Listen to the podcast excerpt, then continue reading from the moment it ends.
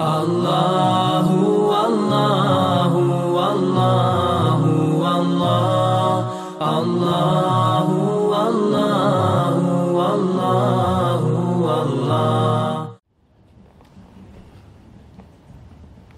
إن الحمد لله تعالى نحمده نستعينه ونستغفره ونستهديه ونعوذ به من شرور أنفسنا ومن سيئات أعمالنا. من يهده الله تعالى فهو المهتد. ومن يضلل فأولئك هم الخاسرون. وأشهد أن لا إله إلا الله وحده لا شريك له. وأشهد أن محمدا عبده ونبيه ورسوله وصفيه من خلقه وخليله. ثم أما بعد. Mi smo došli do 115. ajeta, tako? Kome uzdišeni Allah azu džel kaže وَلِلَّهِ الْمَشْرِكُ وَالْمَغْرِبُ فَأَيْنَمَا تُوَلُّوا فَثَمَّ وَجْهُ اللَّهِ إِنَّ اللَّهَ وَاسِعٌ عَلِيمٌ Allahu pripada i istok i zapad. Kod god se okrenete, pa tamo je Allahovo lice. Allah je zaista neizmjerno dobar i on sve zna.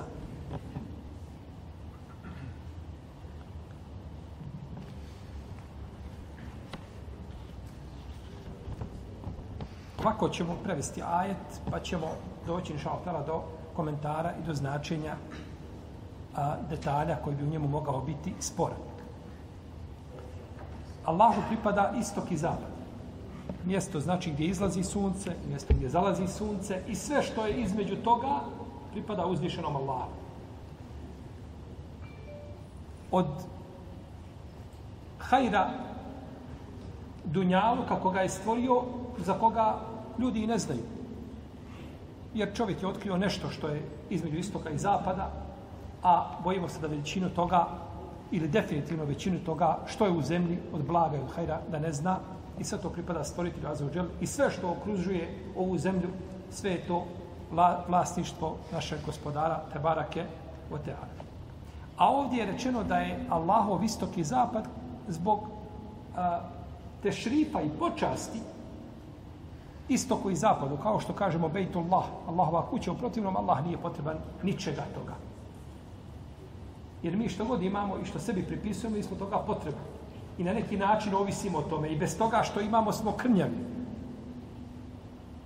I osjetimo se manjkavim ako nam to neko uskrati i tako dalje, za razliku od uzvišenog Allaha za koji nije potreban nikoga, a sve je njega potrebno, jer kada bi svi ljudi kao jedan čovjek bili vjernici, to ne bi Allahu moć povećalo, a kada bi svi kao jedan čovjek bili nevjernici i širk mu činili, to ne bi umanjilo Allahovu moćni kao kada se igla umoči u more.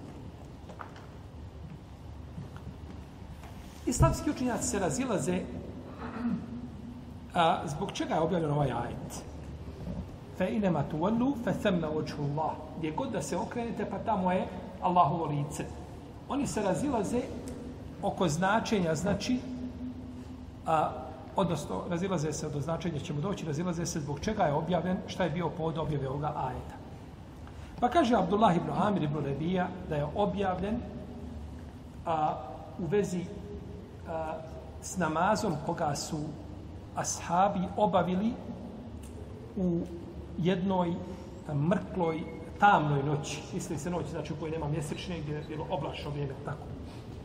Pa prenosi od svoga oca, od Amira ibn Rebije, radijallahu talanu, kaže, bili smo jedne prilike sa poslanikom, bili smo jedne prilike sa poslanikom, sa osvrame na putu, pa smo obavili namaz u mrkloj tami. Pa je svako klanjao onako kako je smatrao da je kibla. Nisu mogli se ovaj orijentisati prema, je tako, dogovoriti, pa je svako klanjao na način kako je smatrao da je kibla, pa kada su ujutru ustali, obavijestili su poslanika sa osrme o tome, pa je uzvišen je Allah objavio fa ejnema tu wallu fa themme voču Allah. Gdje god da se okrenete, tamo je Allahovo lice. Tamo je jeli, Allahovo lice. Međutim, ovaj hadis, kaže za njega vam tirmizi da laif. I tako je rekao Ibn Hazm u svom Muhalu. I tako je rekao Imam Ibn Arabi, Maliki, Ibn Arabi al-Maliki u svom al-arida Arida al-Ahvadi. Kaže da je hadis daif. Imam Neovi al-Bajmu. I tako kaže imam Zehebi. Kaže također imam, imam Ibn Kesir u svom tefsiru da je hadis daif. Ali su neki kasni učenjaci, savremeni, poput Ahmeda Šakira, velikog muhadisa i šeha Albanije, kazali da je hadis dobar, da bi se mogao pojačati mnoštvom puteva. Da bi se mogao pojačati šta mnoštvom.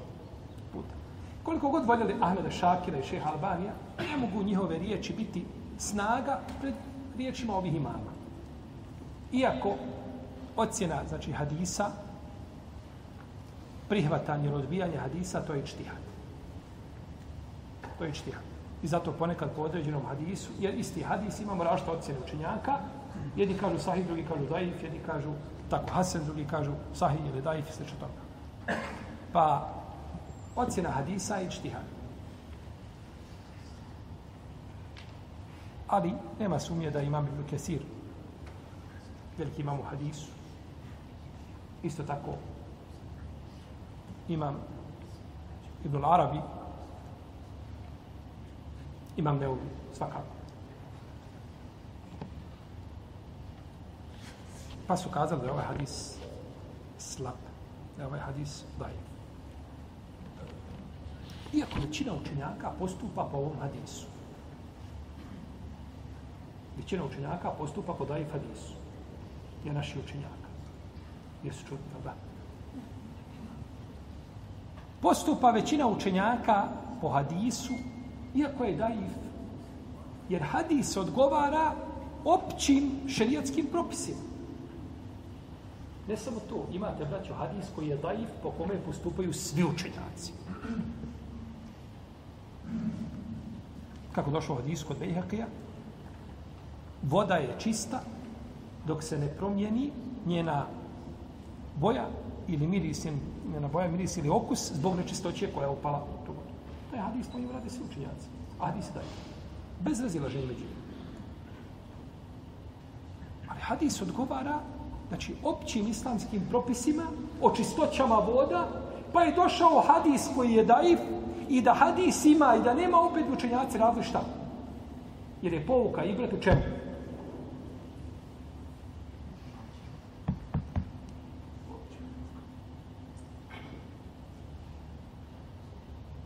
U konsensu učenjaka. Ulema se složila. Pa kad se ulema složi na nečemu, pravi, stvarni konsensus, tad je taj konsensus jači od samog hadisa. Bio on sahih ili bio daif, ili bio hasan, kakav god da bio, konsensus je jači od toga. Pa ulema se složila i onda rade, znači po nečemu što odgovara općim propisima. Pa je većina učenjaka na stanovištu da kada dođu ljudi i klanjaju i ne mogu se dogovoriti oko kible, da svako klanja shodno svome šta? Ubjeđenje. Došla dvojica, kaže jedan, kibla je tamo, kaže drugi, nije kibla je vam. I koji god klanja za drugim, hoće da klanjaju džematima. Koji god klanja za drugim, on klanja mimo čega? Kible. I ubijeđen da klanja mimo kible, mu namaz ispravno.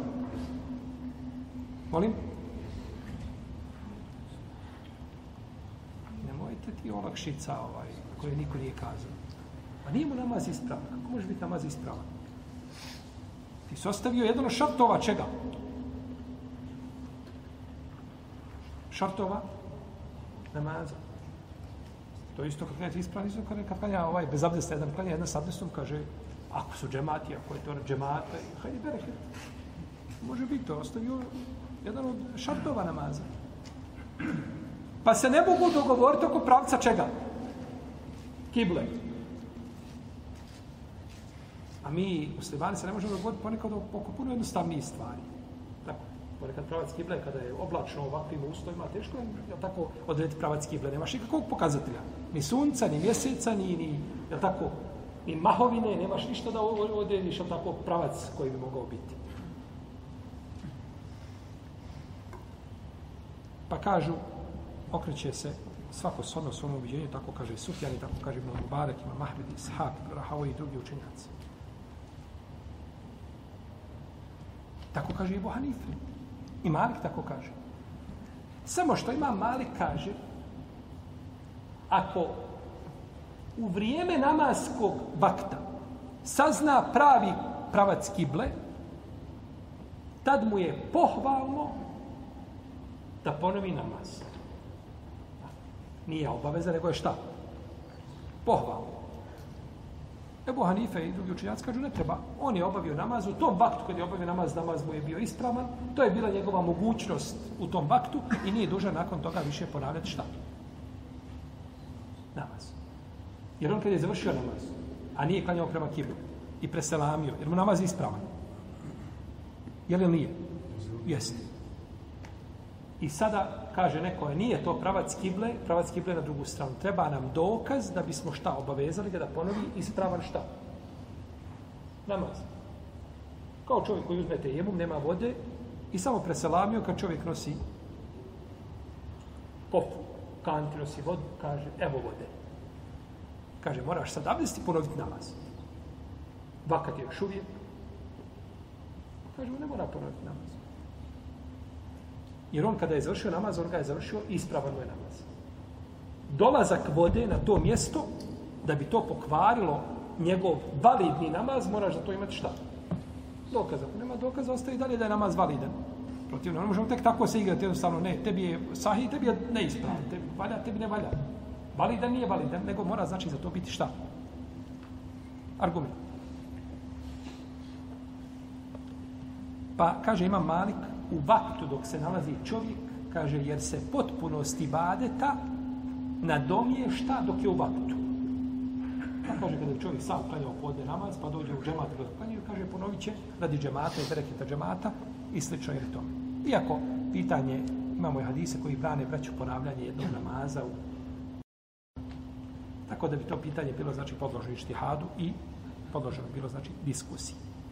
Međutim, ima mali, kaže, pohvalno mu je da ponovi samo ako je leđima bio okrenut prema kibli ili ako je bio okrenut desno ili lijevo prema kibli.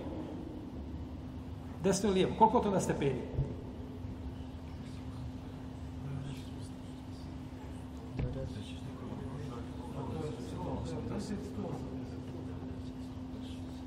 Znači, klanja leđima prema kibli okrenut. Koliko je to stepeni? 180. Klanja okrenut lijevo ili desno? 90 stepeni. Znači 90 stepeni. Ako je, kaže, on, međutim, kaže, ako je bilo lijevo, ulijevo ili desno, kibla pravo, on bio ulijevo ili desno nešto, a nije išao, znači, do, da bude svojim bokom desnim ili lijevim prema kibli, kaže šta? Ne treba ponavljati. Nakon što je potrudio se da dođe do kibla, do pravca kibla. U redu. Braćo, kada čovjek dođe do mjesta, ne zna gdje je kibla. Kod, kod se okrenu, samo isto onda se okrenu, sve mu isto. Kaže, ako je tako, bismillah, Allahu ekber. I okrenu se prema jednoj strani, ne može tako. Dođe čovjek ispred džamije, džamija zaključana Strani, stranac tu, ne znam, ne zna ništa, okreće se lijepo, da su zgrade oko njega, ne vidi ništa. Pa kaže, kada mi zaključano, ja ću ovako. I okrene se i klanja pravi. I promaši kibu. ne isto. Ti da si malo gledao gdje su vrata, prošao malo ispred džamije, kako je mihrab malo ispupčen, tako. Da si prošao lijevo, desno, mogu lako sad gdje, gdje je pravac kibla. Međutim, nije te zanimalo, ne može tako. Moraš se truditi. Pa kada nakon uloženog truda promašiš kiblu, onda se kaže to je opterećenje mimo čega? Mogućnosti time te Allah ne opterećuje. Međutim, da čovjek tek tako promaši kiblu, to ne može znači proći, to nije, nije ispravno. Kaže Ibn Omar, ovaj ajet je objavljen ovaj ajet je objavljen zato što su ashabi poslanika sa osreme, ili kaže bili su ovaj uh, na putu pa su klanjali pa je poslanik sa klanjao kud, kud se god okrenula jahalica kud se god okrenula jahalica klanjao je kaže u tom u tom pravcu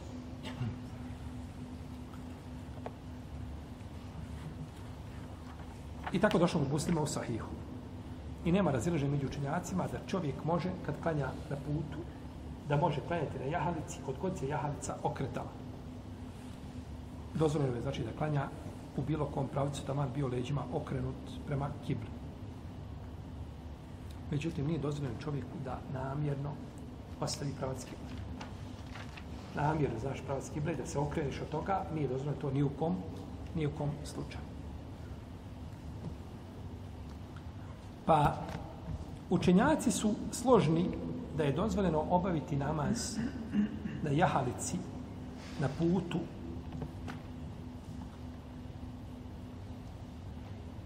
iako ne klanjao čovjek u pravcu kible, pod uslovom da je taj put, put na kome se može kratiti namaz. Tu nema razilaženja među među učenjacima. Može klanjati mimo pravca kible, ali da je put na kome mu je dozvoljeno da krati šta? Namaz. A kraćenje namaza i put, znači koji treba preval da bi se namaz mogao krati, je priča za sebe kod islamskog učenjaka.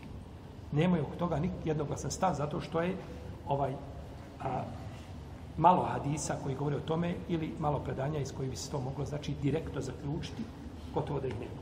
Pa se tu vraćaju na postupke ashaba i sve što tome, pa se tu znači ištihadi, koliko treba da se prevali, pa sako shodno svome ištihadu, šta je za njega put, znači, i šta se tretira putem na tome, jeli, putu smije klanjati na file, iako ne bi okrenut šta prema kibli i da, znači, sjedi na jahavici svoj. Dozvoljeno je isto tako klanjati na file sjedeći, iako čovjek može da stoji u mjestu boravka. Ali da je okrenut šta prema Kipru. I tu ima pola nada. Ima Bibnu dame spominje čak konsensus učenjaka da može čovjek klanjati u mjestu boravka sjedeći na file, ali da je okrenut šta prema Kipru, međutim ima pola čega? Ima pola nagrade. To je došlo, striktno je to došlo, znači da noći, da noći namaz. I razilaze se učenjaci da li je čovjeku dozvoljeno da klanja na file sjedeći u mjestu boravka mimo kible.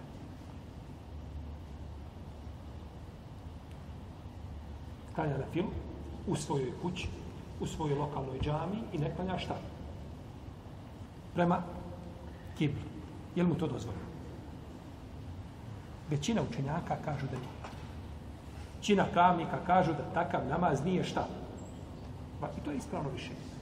Suprotno imamu, Ebu Jusufu i Muhammedu i Ahmedu po jednom rivajetu i to je mišljenje isto odabrao imam Taberi i odabrao ga imam Rauzaj i Hazm, da može, međutim ispravno je da ne može. Može sjedeći, ali mora biti okrenut šta u pravcu, da sjedenje je došla olakšica, hoćeš da o, bude ti namaz, da tako, da budeš rahat u namazu, da sjediš, možeš klanjati na stolici, ali imaš pola nagrade. Međutim, mora biti klanjač okrenut u pravcu čega? Kipa. Mora biti okrenut u pravcu kipa. Jesi.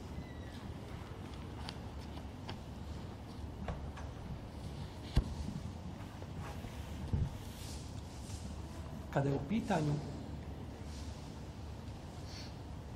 namaz, odnosno put na kome se ne krati namaz,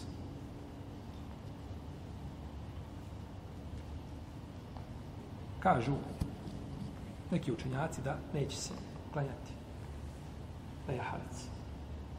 Razlikujte između namaza sjedeći na, na, na namaza šta? Na jahalici. Kaže, neće se klanjati na jahalici. Dok imam Ebu Hanife i Šafija i njihovi sledbenici Alejs ibn Sad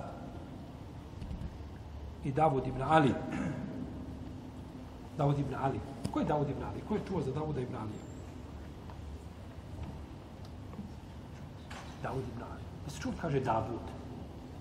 Ne Ebu Davud, nego Davud. Davud ibn Ali je Davud ibn Ali ibn Khalef al-Zahiri. On je umro 270. hijđarske godine. On je u, uh, utemeljio bukvalističku pravnu školu. I to je u njegovo vrijeme živio Ibn Asim, autor knjige Vahadu al-Mesari, koji je umro 278 i 287 on je sledio isto taj mezheb i onda je došao i, i krov tog mezheba da ne kisne više ništa na njega udario Ibn Hazm.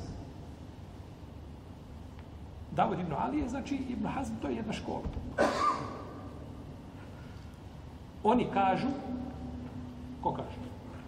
Ebu Hanif, i Šafi, i Lesi Brosa, i Davud, i drugi činjaci kažu da je dozvoljeno klanjati na jahalici, taman ti išao na put na kome ne možeš krati šta?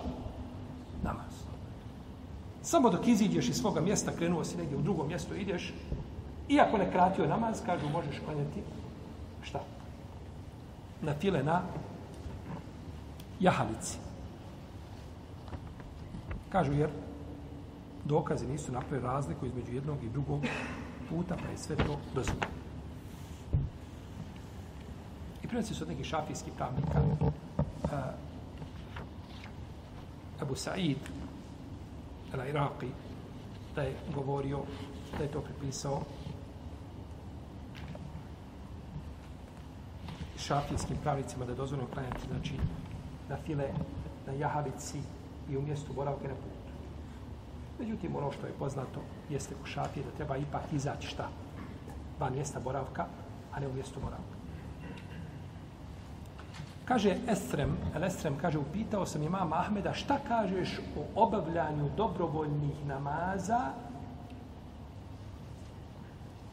na, u mjestu boravka na jahalici?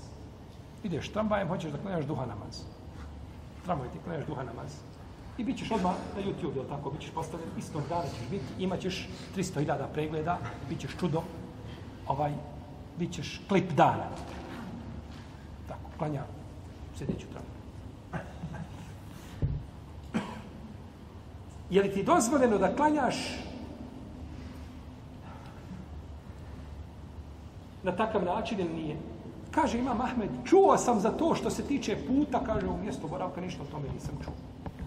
Imam Ahmed to od nas vraća na šta? Na sunnet, je tako? Ako je u sunnetu ima, za sunnet ima dokaz na put, u mjestu boravka nema o tome ništa, nisam o tome ništa čuo. I to imam često kaže, imam Ahmed. Kaže, o tome nisam ništa čuo. O tome nisam šta ništa čuo. Pa se imam Ahmed ogradi, znači sunnetom poslanika, sallallahu alaihi wasallam. Kaže Katade, Katabe, Katade ibn Diame Sedusi, kaže ovaj ajet je objavljen zbog Neđašije. Neđašije. Kako mi to prevodimo? Njegus, ili kako? Njegus. Ha? Negus. Ili je njegus? Ne, negus. Negus. Dobro. Kaže objavljen ajet zbog Neđašije. Jer on kad je umro, kaže njemu je poslanik, sa osrme, klanjao dženasa s habima u Medini. Pa su kazali kako klanjamo čovjeku koji nije klanjao prema našoj kibli. Ili Neđašija je klanjao prema, prema Bejtul Maktisu. Nije znao za promjenu kible, nije to bilo tako kao danas, za kratko vrijeme sve se sazna nije su mogli znati znači propise. Ko dođe u Medinu, mora neko iz Medine doći, da tako, južno, u Etiopiju, da ga obavijesti. U Pa je, kaže, klanjao, ali nije klanjao prema našoj kibli, kako ćemo klanjati dženazu? Pa se kaže da uzviši na Allah objavio ovaj ajet. Gdje god da se okrenete, tamo je Allahovo lice. I objavio je, kaže, uzvišenje Allah za to, jeli, tom prilikom, wa inna min ahli kitabi lam yu'minu billah. Ima od sledbenika knjige koji istinski vjeruju Allah. Pa se kaže taj ajet odnosi na Neđašiju. A, kaže a, Ibn Arabi kaže od čudnih pitanja koje je rekao imam Šafija je da se klanja dženazija, dženaza odsutnoj osobi. Salatul gajb. Jesi klanjali kad salatul gajb?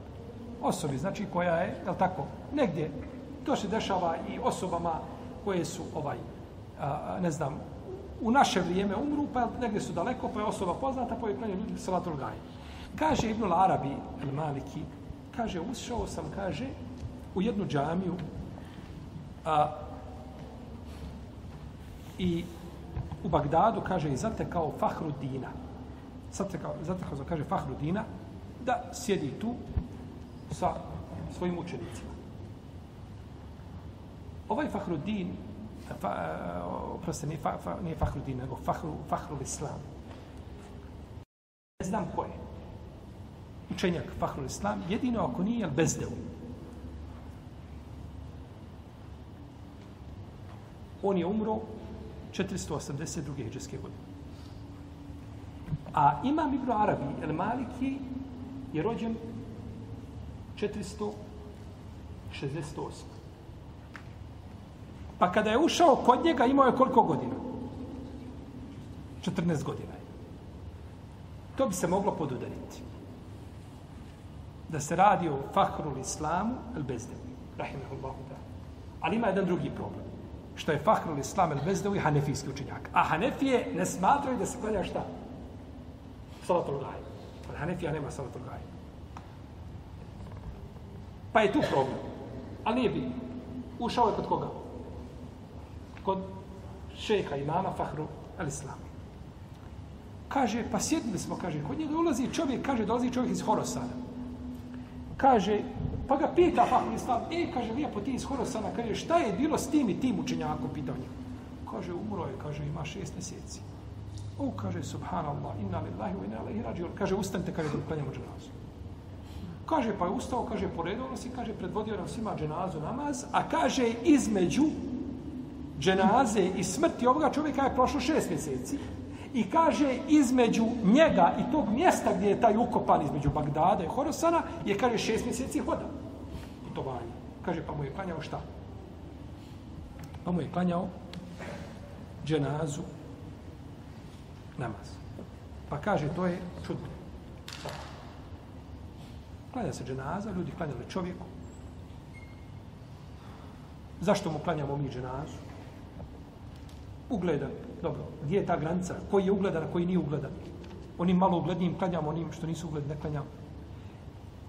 I zato ovaj Hanefije i Malikije kažu nema svatog radnika. I to je rivajet od imama Ahmeda. Iako Hanbelije, Hanbelijska pravna škola, kažu salatul gajb se klanja, oni kažu kao šafije. Po, po, po, po priznatom mišljenju, jačem mišljenju, unutar mezheba, jeste da se šta? Klanja salatul gajb. Pa Hanefije i Malikije ne klanjaju salatul gajb. I, kažemo, to je rivajet od imama, to je rivajet od imama Ahmed. E sad autor, ko autor? autor ko? Imam El Kurtobi, a on je Malikija. Mora sad, sad odgovoriti na hadis koga? Neđaši. Tako, poslanik klanjao salat, klanjao salat u gaju. Klanjao salat u gaju. Sad ti moraš kao Malikija i Hanefije morate odgovoriti na hadise Tako. Imaju oni odgovor. Kažu, kaže autor, kaže odgovor na ovo kaže je sljedeći. Prvo kaže da je poslanik, u osvijem kaže, približena zemlja tako da je vidio tabut neđaši ispred sebe. E, pa je klanjao, vidio je tabut, pa je klanjao. Kažu ovi što ne smatraju tako, kažu kako ima veze što je vidio, on nije bio ispred tabuta, to što ti vidiš tabut negdje da to ti šta je znači. Pa kažu, ne može se klanjati. Drugi odgovor je, kažu, ovo je a, vrijedilo za Neđašiju zato što nije tamo imao nikoga ko će mu klanjati dženazu. I ovo je najispravnije mišljenje. Da Neđaši i niko, ima još jedno mišljenje, doćemo do njega, jako je, ima svoje mjesto. Da Neđaši nije tamo niko klanja, nije Neđašija imao narod iza sebe, ali taj narod nije bio na njegov vjeri. I on nije imao snage i moći da pozove svoj narod niti da jako obznani islam, o čemu je opširno i, i, i, i, ovaj, i precizno govori šehol islam im u svome dijelu Minhađu su na nebovi.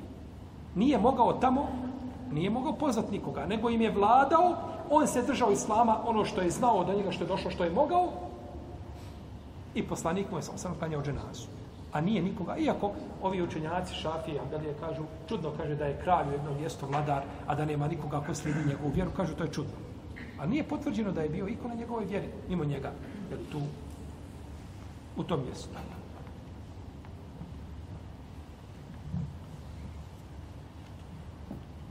Pa imamo šta? Da je to vrijedilo za koga? Da je žašio. Zato što mu niko nije klanjao. I imamo prije toga više da se žemlja šta? približila. Kao što je poslaniku sam približen Mesjidul Aksa, kada mu mušici nisu povjerovali da je obavio, da je bio šta? Jel, da je Israo. Jel, Isra je tada bio, tako da je došao u Bejtul Maktis tako brzo, pa mu je približen Bejtul Maktis da je vidio, znači, ispred sebe i opisivo im kako izgleda Bejtul. Kažu isto, isti način se desilo čime sa tabutom Neđaši. Kaže Ibn Arabi el Maliki, imam ja odgovor drugi. Malikijski učenjak. Kaže, imam ja odgovor drugi. Kaže, Neđašija, kaže, poslanik je znao da Neđašija ne zna ništa, niti narod koji je oko njega os, on, namazu, koji stiče na salat od dženaza, da ne zna ništa od dženaza. Namaz, znači, e, mejtu, kako se klanja, do tome ne zna ništa. Taman da je bilo sledbenika uz njega, niko ništa ne zna o čemu. O tom namazu. Pa ne zna kako će obaviti namaz. Kako se klanja namaz mejtu. I to je mišljenje jako, ima svoje mjesto. Međutim, ovo da je to vrijedno za Neđašiju, da nije bio dobro da mu niko nije klanio, nije potvrđeno da mu niko dole klanjao dženazu, to bi bilo preče i jače ovaj, jeli, kao odgovor.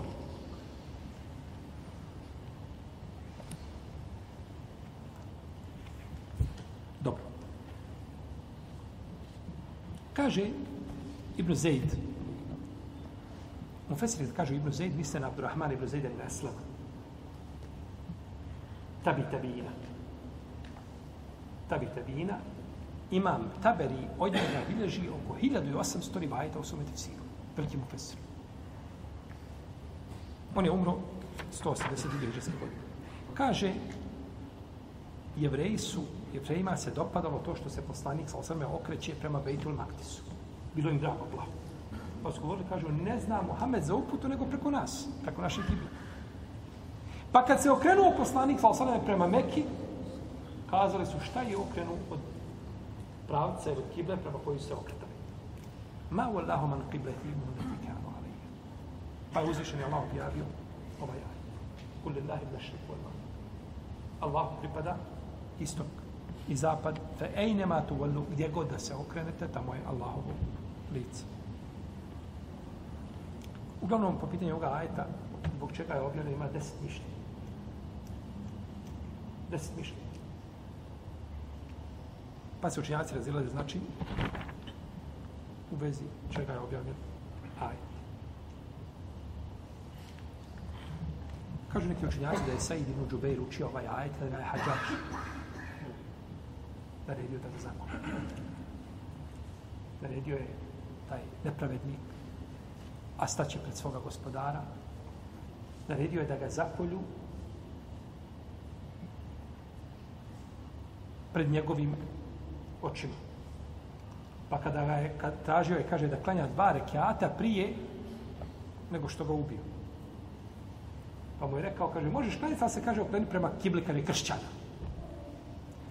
A on naj, od najbliski učenika Ibn Abbas. Ako je neko pokupio znanje Ibn Abbas i izvukao iz njega većinu znanja koje je imao, to je bio od srednjeg. Pa je naredio da ga ubio. I to je od naj, najvećih zločina koje je učinio Al-Hadžar ibn Yusuf Takafi. Iako je ubio i druge, čak i neke ashabe, možda je to i veći zločin, naredio da ubio Abdullah ibn Zubaira, radi Allah te alanu, jer nema sumnje da Abdullah bolji od Said ibn Džubeira. Kažu da je učio ovaj ajet Kada mu neko možeš klanjati, kaže, pa ako mi ne daš prema mojoj kibli, kod god da se okrenemo, ti si meni zabranio da mogu da klanjam. Pa tako, ja sam prinuđen. Pa kažu da je poučio ovaj ajet.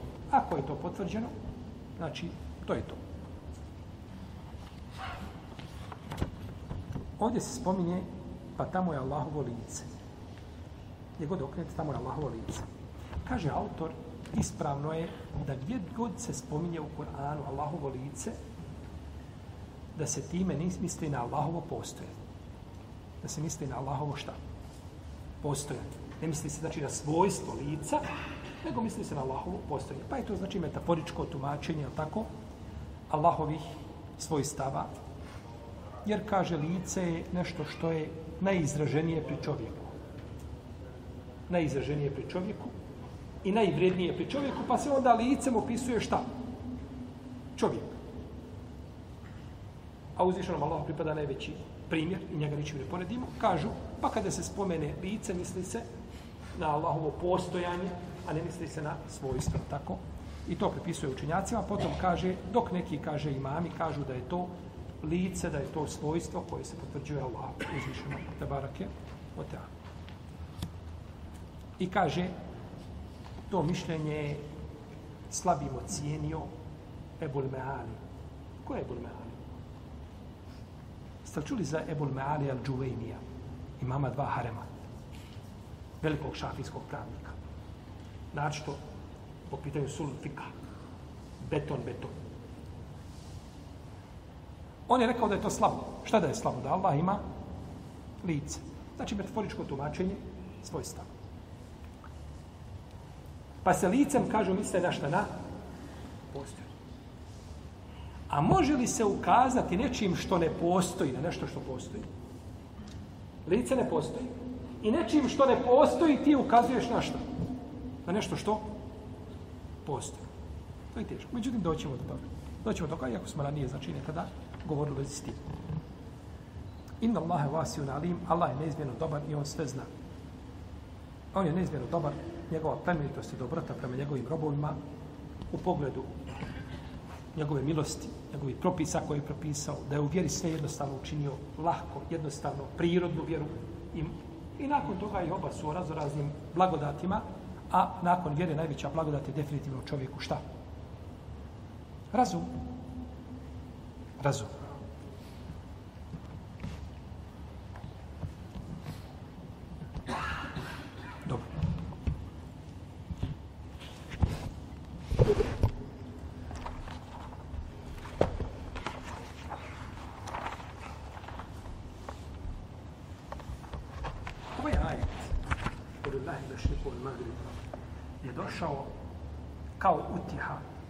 Poslaniku sa osreme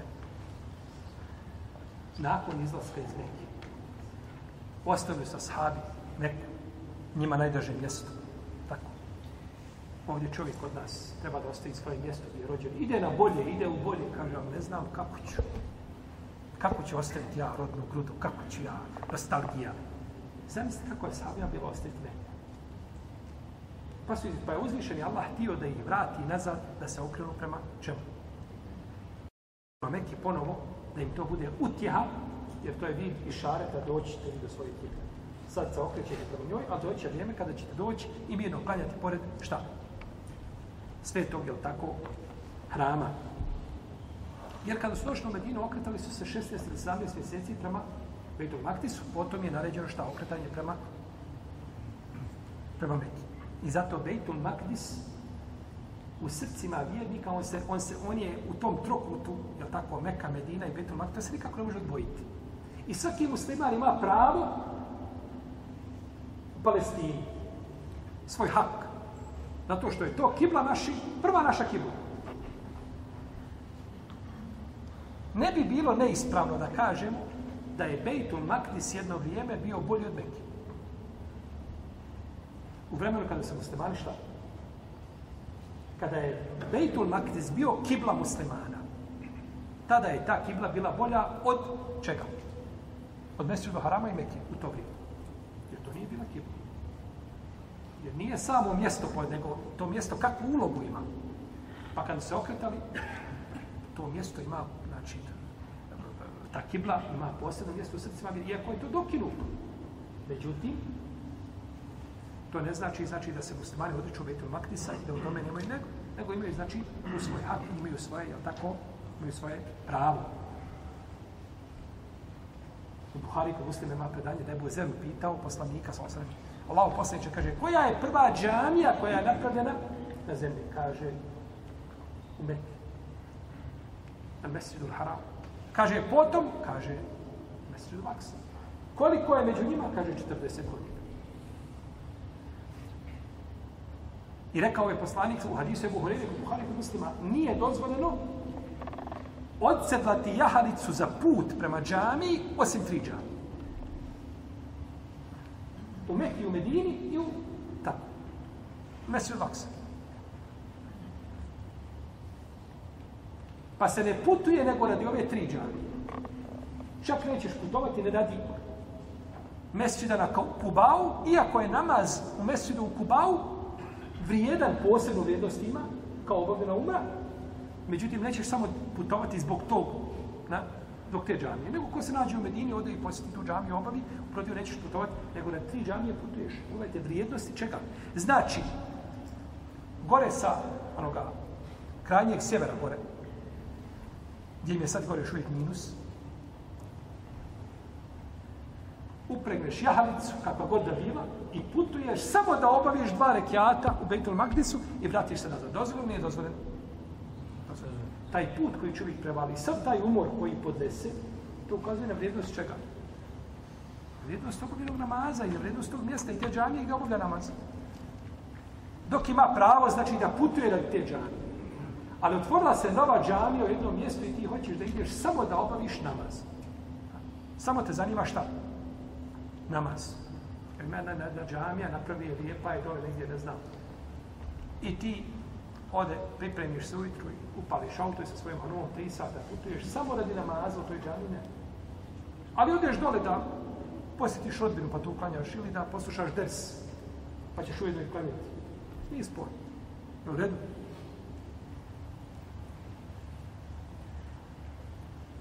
Pa ovo ukazuje na vrijednost čega? Čak ima rivaje, kod imama Ahmed, u Muslim, koji je vjerodostojan, da je poslanik sam rekao da u Bejtul Maktis ne može ući deđal. Iako je poznato da ne može ući gdje? U Meku i, i Medinu. Da su tu meleki koji, koji brane i čuvaju sa sabljama. Međutim, ima rivajet poseban koji je došao u kome se spominje Bejtul Maktis. I rivajet je ispravno. Tu ukazuje na vrijednost Bejtul Maktis. I kada dođe Mehdi, tu će se sastati Mehdi i Isa a.s. i je Dajjal, i je Džuđ i Međuđ. I sva se, sva se koplja lome od kraj Dunjalu kako Bejtul Maktis. I okušava. I kada predlože Mehdi da klanja ljudima, kaže imamu ko minku. Baš je, kaže, imam od vas. Pa će proći da klanja ko? Isa. Dakle, kaže se u drugom rivaj da će to biti u Bejtul Maktisu. Jer kod muslima u Sahiju gdje je to spomenuto, nije spomenuto Bejtul Maktis. Spominje se da, da, da će on kazati imamu kum minkum. Imam jedan od vas i neka klanja, evo on je iza, stoji. Međutim, šta kaže? A, oprostite, ko kaže imam kum minkum? Obratno, tako? Obratno, što šutite? Znači, ovaj, Isa, ale i selam, kada dođu, kazat ćemo Allahom poslaniče klanjanja. Kaže, ne, kaže, imamo ko minku. Kaže se da je tu u Bejtul Maktisu. U drugom rivajtu se kaže, imao sahina da je tu u Bejtul Maktisu. Pa ukazuje na vrijednost čega? Na vrijednost tog mjesta. I zato e, Bejtul Maktis i Mesudu Aksa, to je vlastištvo umeta, nije palestinaca. I zato bi se umet o tome trebao brinuti. I dići svoj glas kada vidi da se tu ne čini nasilje, nego čini se nešto što je neprimjerno da se čini. Mekruh ako se čini da dignu svoj glas. A ne kažemo, ako se čini nasilje, najgore vrste, najgore obje. Međutim, to samo kaže naš slabost. I na globalnom nivou, nivou umeta, i društava, i pojedinaca, i zajednica, i na svakom drugom nivou, koliko smo slabi, znači da se može spriječiti i ulazak u džamiju i da se može činiti s tom džamijom što se želi ne pomije kao da je kao da smo žive lešine. Allah popravi stanje muslimana svako mjesto. Čak se navodi vraću jednoj rivajetu kod mama i domađe rivajetu da će poslanik biti upitan, kaže, bit će upitan, kaže, a gdje su Arapi toga dana kad se pojavio džuđi međuđe? Kaže, toga dana Arapa će biti malo. A kaže, većina će ih biti u Betul Maktisu. Tu će biti. Pa Betul Maktis mjesto koje ima, znači, ovaj, posebnu vrijednost a, u srcima mukmina namaz obavljen u toj džamiji, vredi za 500 namaza, kako došlo u rivajetima. A u drugim rivajetima se kaže 250. I ti rivajeti u 250 su ispravni. Ispravniji su od rivajeta koji govori da, da, da je 500. Da je 500 po selu zudređi da su rivajeti slabi. slabi.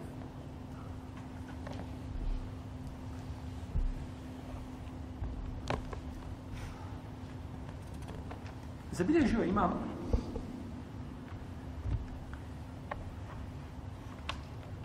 a, Ebu Ubejd u svom dijelu Enasihu na Mensuhu. Ebu Ubejd to Kasim Al-Qasim al-Salam. On je umro 224. hiđarske godine. Zabilježio u svome dijelu dokinuti i dokidajući ajeti. Od Ibn Abasa da je kao prvo, kaže, što je dokinuto u Medini, bila je kibla. Prvo dokidanje u Kur'anu koje je bilo, s odva riječima Ibn Abasa, bilo je šta? U Medini. Ovako je zabilježio Ebu Ubejd. Čuo za Ebu Ubejd? Praćite veliki imam.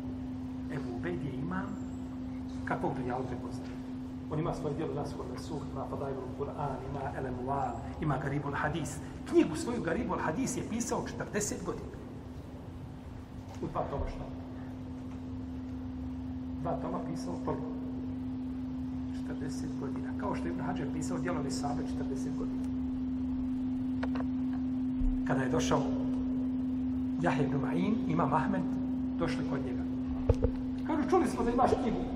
Gde nam kaže, čitaj nam da vidimo. Garibul Hadis je knjiga koja se odnosi na, uh, on je spominjao hadise koji u sebi nose nepoznate riječi, izraze i fraze, pa je onda pojašnjava što znači da shvatiš i razumiješ hadis. Pa im je rekao, imam, pa je otvorio knjigu i počeo, kaže, pričao mi je taj i taj, od toga i toga i od toga i toga, da je poslanik rekao to, to, to i to, pa bi im pojasnio značenje hadisa. Pa pričao mi je taj i taj, od toga, toga, kaže, kaže, ima Jahed Ma'in, kaže, ostaje to, kaže, ostaje kaže, lance prenosilaca. Jer imam Ahmed, i Ma'in su bili imami za njega, što se tiče nauke i, ovaj, i, i lanaca prenosilaca, pretekli imama Ebu Bejda u tome. Kaže, piše nam samo hadise. Samo hadise i pojaša, ne moram to lance, pričao mi treba toga i toga, to nam ostane. Kaže, ja ćete slušati lance, nećete ništa. Ja 40 godina proveo u pisanju knjige i ti sad hoćeš doći za sahat ili za dva ili za dan, za dva, za tri, sve to pokupiti pod ruku i odnese i odnese. To je trud uloženo to pisanje. Trebalo ponekad putovati tako, izlagati se ovaj, velikim naporima da dođeš do tog hadisa, da dođeš do lanca, prenosaca, da dođeš Pa je odbio da im, nego da im šta? Možete znači samo lanca. On je raskrivo, imam, imam, imam subki, spomnio u svom dijelu tabakatu šafija i kubra. Da je raspravljao Ebu Ubejd, ili Kasim Ustavnam, sa imamom šafijom. U vezi sa kar koji je spomenut u Kur'anu. On mu talakatu je tarabesne bijen pusihine telafete kulu. Ovaj ka, kulu. Šta je to? Je to čisti period ili je to hajz? Jer može biti jedno šta i može biti jedno i drugo. U arapskom jeziku može biti jedno i drugo. Dobro, žena kad čeka nakon razvoda, šta čeka? Tri čista perioda ili tri hajza? Razilađenje već ja shodno, da tako. Pa imam šafija kazao da je to hajz. A on govorio, Ebu Ubej, da je to čisti period. Pa su sjeli raspravljali. Pa kada su završili raspravu, svako iznio svoje argumente iz Kur'ana, iz sunneta, arapskog jezika, pjesništva, izjava shava, sve što je imao, istrese na hrpu. I kada je svaki završio što je imao da kaže, zamijeli se za mišljenje. Imam šafija, prihvatio mišljenje Ebu Ubejda, a Ebu Ubejd imama šafije. Pa sad Ebu Ubejd kaže, to je hajz. A šafija kaže, nikako, kaže, to je čisti period. Zamijeli se za mišljenje. Kaže, imam sub u svome dijelu, u svome dijelu, u šestom tomu je zabilježio u svome dijelu, eh, tabakat. Kaže, ako je ovo potvrđeno, ova priča događaj, ovo, kaže, ukazuje na odliku koga? Imama Ebu Bejda, ne Šafija. Rediko, imama Ebu Bejda. Jer kaže, nije potvrđeno da je neko raspravio sa Šafijom da je Šafija prijatelj njegov mišljenje. Ko je god došao preko, ispred Šafije, zaplavo je to si, dok si došao, ti sam se presudio. Dok si pristao da raspravljaš sa šafijom, ti sam se gdje nalazi Tu ćeš šafijom raspravljati. Ko, si ti da raspravljaš sa imamo šafijom? Ali kaže, ako je on promijenio mišljenje zbog Ebu Ubejda, kaže, to ukazuje, samo kaže, kakav je Ebu Ubejd bio učenjen. Pa je Ebu Bejt zabilježio u svome dijelu Nasih, od Suh, od Ibn Abasa, da je rekao prvo što je dokinuto Medini, Kur'ana bilo šta? Kibla. To je prvo što je dokinuto.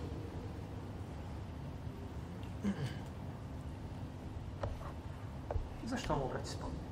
Možda je kazao da to godine, ja, ovaj reći, ovaj rekao, ovaj kazao, ovaj došao, ovaj došao, ovaj razmišljao. Šta, to nama koristi? Znate šta koristi. Koristi vam da znate koga mi slijedimo, na koga se mi pozivamo, na našu umenu. od ashaba, tabijina, imama četiri pravne škole i sljedbenika, da je to, braćo, bila istinska ulema. Da vam ne dođe neko da vam ne soli pamet. Danas dođete ljudi, kažu ovako. Nemojte, pazite, nemojte se plaho nešto za učenjake vi vezati. To je, to je kranje šubhelu. Jer Allah u Kur'anu to spominje. Dobro, šta kaže Allah u Kur'anu? Kaže Allah, kaže u Kur'anu, اتخذوا أحبارهم ورهبانهم أربابا من دون الله والمسيح ابن مريم وما أمروا إلا ليعبدوا إلها واحدا لا إله إلا هو سبحانه عما يشركون Kaže, uzeli su svoje monahe i svoje svećenike za bogove mimo Allaha. Kaže, naređeno im je da samo Allaha obožavaju. Pa su uzeli svoje učenjake šta za bogove Hoćete sebi dozvoliti da vi budete kao i ovi koji su uradili, ste bili s knjige, tako? Ti pogledaj, ti učenjaka vidi, ocijeni ga. Registruj ga, znači, procijeni ga tačno, jer on rekao istinu, rekao neistinu, šta je kazao, da ti nakon toga znaš šta je hak i šta je istina. Ajeti koji su objavljeni u odnosu za ljude, u osnovi ljudi koji ne vjeruju, oni ispuste na najbolje sinove ovoga umeta.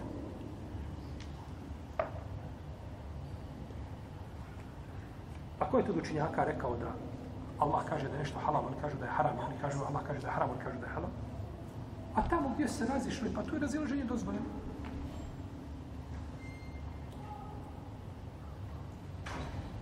Pa da ne bi ispalo da čovjek sumnja u riječi islamskih učenjaka, ne učenjaci znači, nisu ne pogrešili, učenjaci nisu meleki. Učenjaci nisu ti koga slijepo treba slijediti. Međutim, učenjak ne može biti igračka u rukama masa nego trebaju slijediti put učenjaka. Put učenjaka se mora slijediti. Tu nema izbora, to je vađiv. fard da slijediš koga? Šta da slijediš? Put, stazu kojom su hodili učenjaci. Svaki od njih na tom putu može pogriješiti, ali staza kao staza i pravac u kome se ide, to je nepogrešivo. I zato spominjemo ovo i vežemo se za ove ljude i vjerujte, braću, da je meni meni lično je draže govoriti o ovim ljudima i ko su bili, šta su bili, kako su shvatali, kako su bili, nego ovo što pričamo, mi ćemo ovom tefsiru od dosta ovoga zaboraviti, tako? Vjerujem da smo pola ovoga zaboravili do sada, tako? Možda smo pola zaboravili. Ali ovi učenjaci, znate, znači, kako su pristupali, kako su uzmali propise, kako su se držali vjere, kako nisu odstupali lijevo i desno. To je bitnije nego poznavanje. Zato imam eh, Ebu Hanifa je govorio, to je njega poznata izreka, njegova, ako ne spominje čak, je Hatib al Bagdari u svom djelu Fakih u al kaže, govorite o islamskim učenjacima, o njihovoj, kaže, siri i o njihovom životopisu, kaže, draže mi nego mnogo fika od kolega. I to je samo, to je od fika Ebu Hanife. Takva izjava ukazuje na fika Ebu Hanife. Rahimahu. Da. Dobro.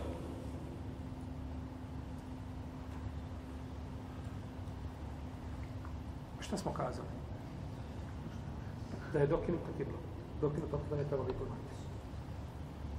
Dobro. Fesemme oču Allah. Gdje god da se okrenete, tamo je Allahovo lice.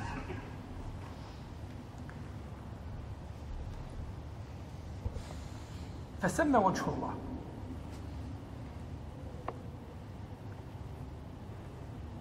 Imam Mujahid je rekao, a ja sam da dobro slušam.